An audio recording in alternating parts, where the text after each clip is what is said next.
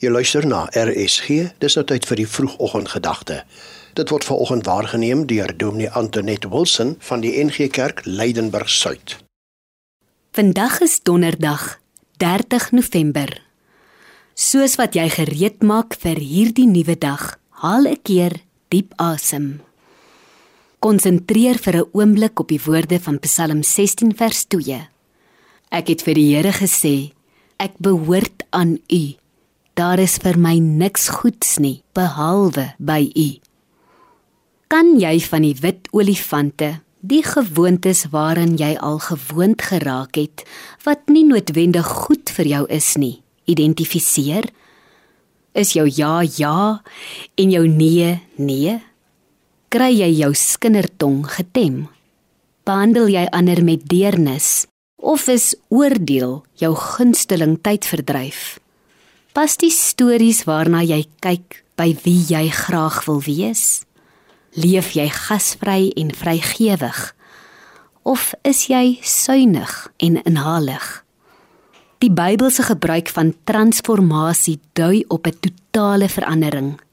Soos Paulus leer, moet ons iets radikaals en ingrypends doen wanneer ons ernstig is oor geestelike groei.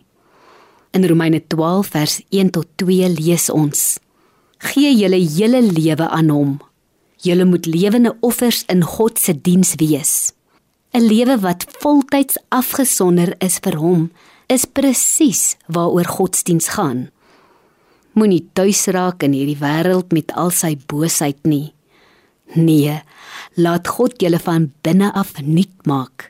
Laat hy julle manier van dink verander sodat julle kan weet wat hy van julle verwag.